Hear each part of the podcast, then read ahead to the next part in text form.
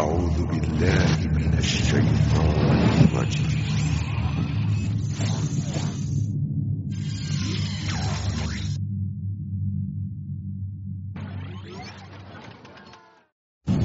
يا أيها الذين آمنوا إذا نودي للصلاة من يوم الجمعة فاسعوا إلى ذكر الله وذروا البيع.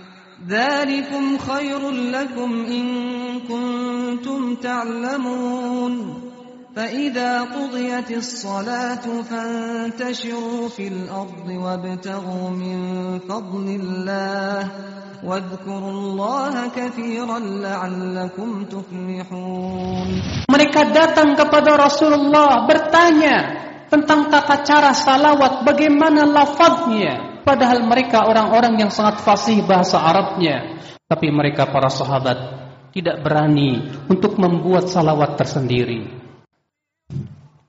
Alhamdulillah. Nahmaduhu wa nasta'inuhu wa nastaghfiruh.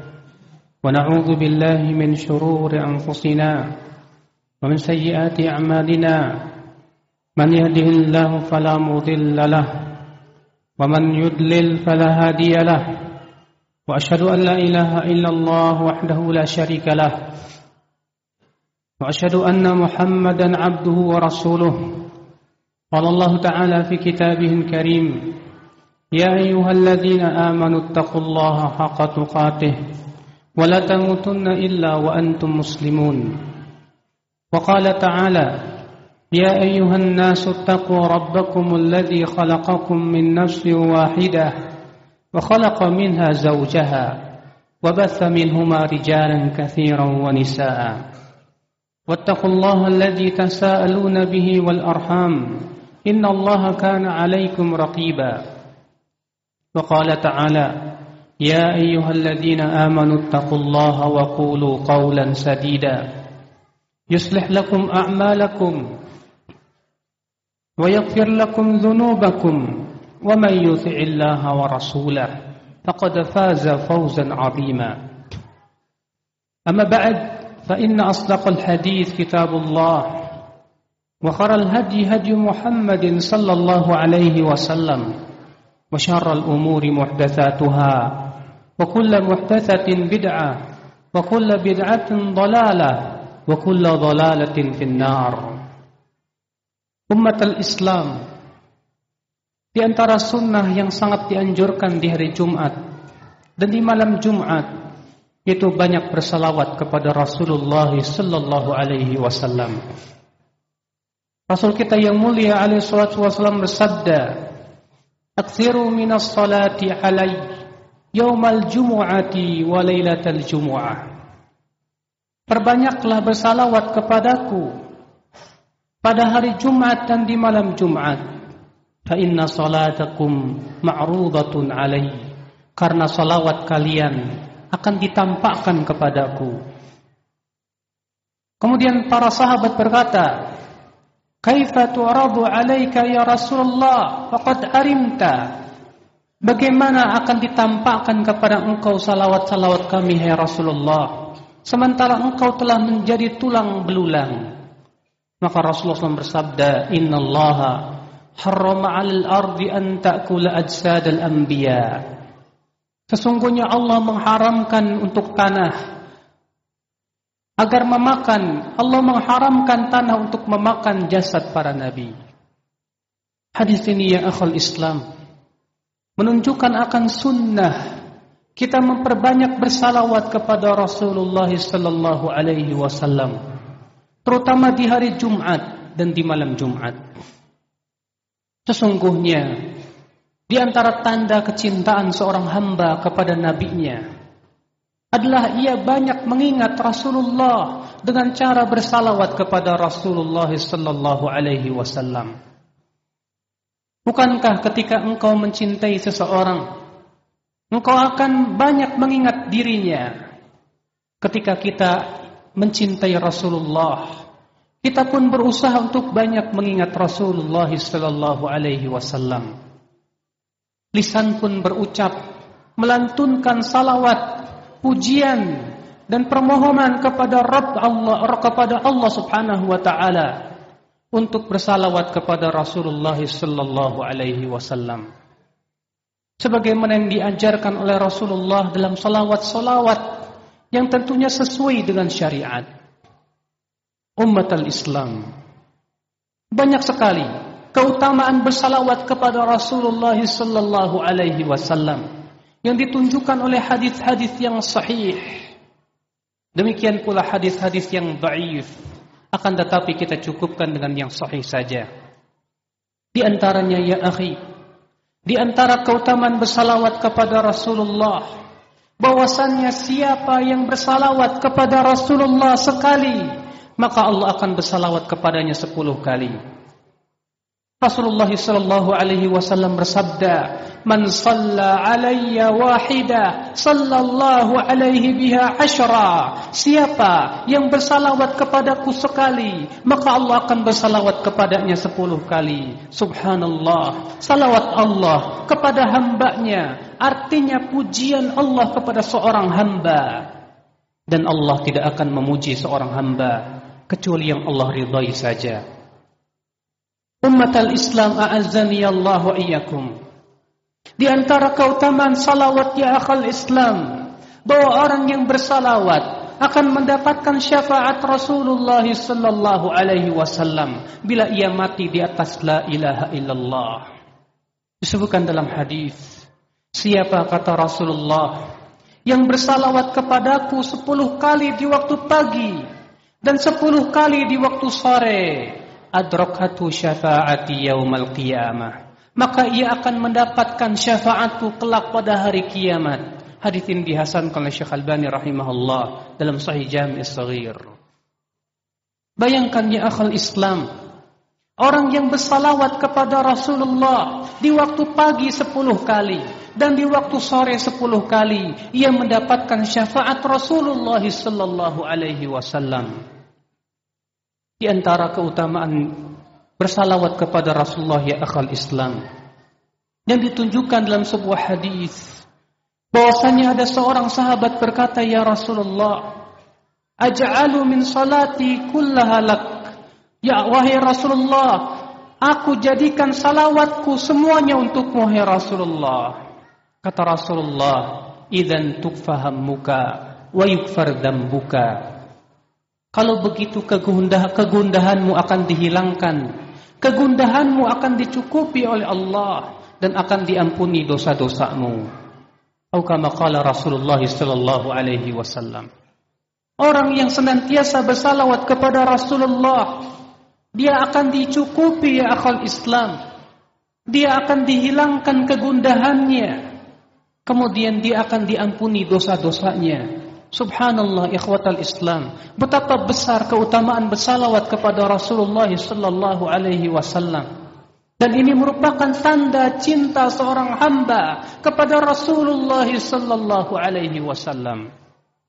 Namun tentunya ya akhi, ada hal yang perlu diperhatikan ketika kita bersalawat kepada Rasulullah.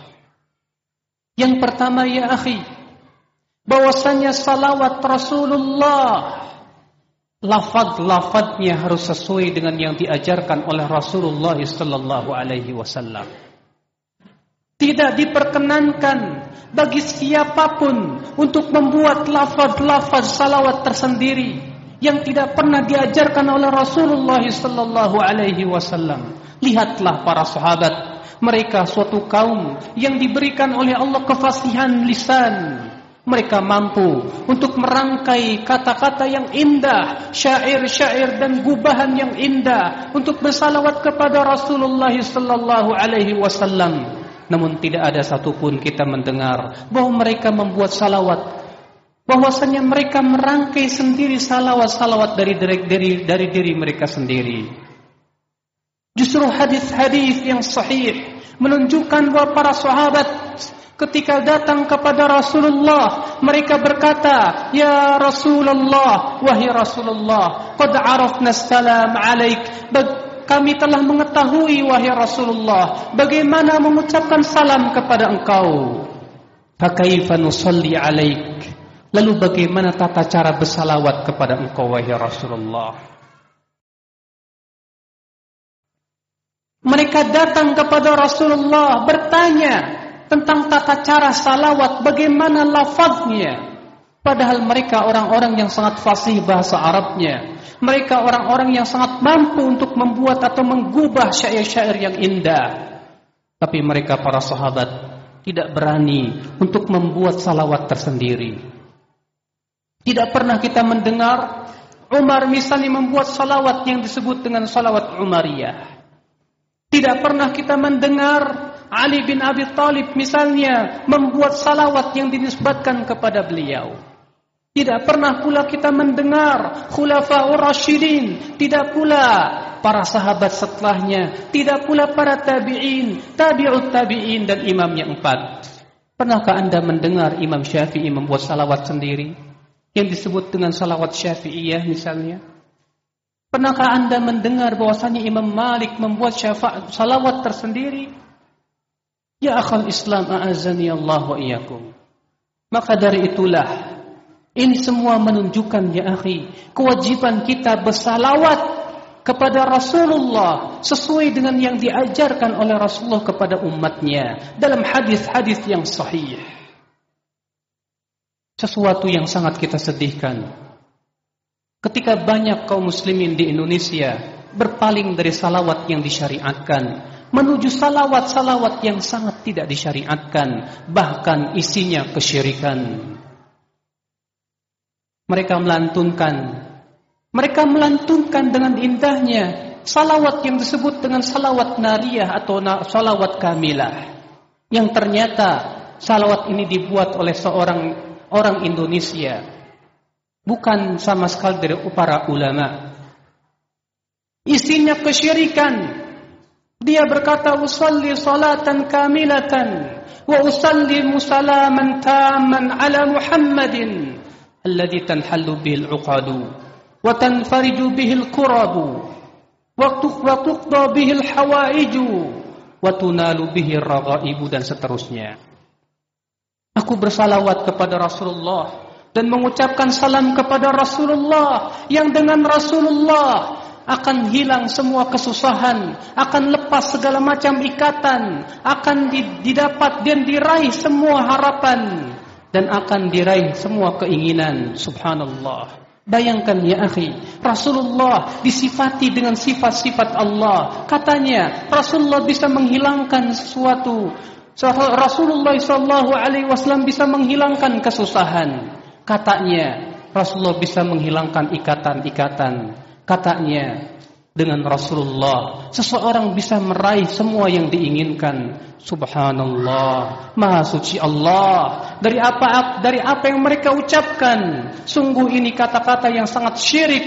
Mempersekutukan Allah subhanahu wa ta'ala. Padahal Allah berfirman dalam surat Al-A'raf qul la amliku li nafsi naf'a wa la illa Allah Katakan hai Muhammad, aku tidak memiliki untuk diriku manfaat tidak pula mudarat kecuali apa yang Allah kehendaki. Walau kuntu a'lamul ghaib, kalaulah aku tahu yang gaib, lastaghfartu minal khairi wa ma massani su. Niscaya aku akan memperbanyak kebaikan dan tidak akan menimpa kepadaku keburukan. Bayangkan, Rasulullah dalam ayat ini disebutkan tidak bisa memberikan manfaat dan mudarat kepada dirinya bagaimana kepada orang lain. Itu sewaktu beliau masih hidup, bagaimana setelah matinya. Oleh karena itu ya akhi Rasulullah SAW telah mengingatkan jauh-jauh hari. Beliau bersabda, La tuturuni kama atratin nasara Isa bin Maryam. Janganlah kalian berlebih-lebihan dalam memuji diriku. Sebagaimana orang-orang Nasrani itu berlebih-lebihan memuji Isa bin Maryam. Ketika di antara sahabat di antara mereka ada yang berdiri, di antara mereka ada yang mengatakan anta sayyiduna. Engkau adalah sayyid kami. Maka Rasulullah bersabda, "As-sayyid wallah." As-sayyid itu hanyalah Allah. La yastahwiyannakum syaitan. Jangan sampai setan menyeret kalian. Maksudnya jangan sampai setan menyeret kalian untuk mengagungkan diriku dan menempatkan diriku melebihi tempatku sebagai hamba dan rasulnya. Ketika Rasulullah pulang dari sebuah peperangan, ada seorang budak wanita, dia kemudian bersyair sambil dia mendedang men, sambil dia memukul rebana dan berkata, "Wa fina nabiyyun ya'lamu ma fi ghadin." Pada kami ada nabi yang mengetahui apa yang akan terjadi di masa depan. Maka Rasulullah melarang dan marah. Karena ini adalah kalimat-kalimat yang syirik di akal Islam. Sesungguhnya hak untuk membuat salawat bukanlah hak tiap orang. Membuat salawat itu adalah hak tasyri' pensyariatan yang merupakan hak Allah Subhanahu wa taala. Oleh karena itu ya akal Islam, seluruh para sahabat bertanya kepada Rasulullah bagaimana tata cara bersalawat kepada Rasulullah sallallahu alaihi wasallam? Bukan dengan membuat buat salawat-salawat yang diada-adakan. Karena sesungguhnya yang diajarkan oleh Rasulullah itulah yang paling baik. Pasti lafaz-lafaz yang berasal dari mulut Rasulullah itu lebih utama. Karena itu yang berdasarkan wahyu dari Allah wa ma yantiqu anil hawa. In huwa illa wahyu yuha. Muhammad tidak pernah berbicara dari hawa nafsunya. Akan tetapi ia adalah wahyu yang Allah wahyukan kepadanya. Aqulu qawli hadza wa astaghfirullah li wa lakum.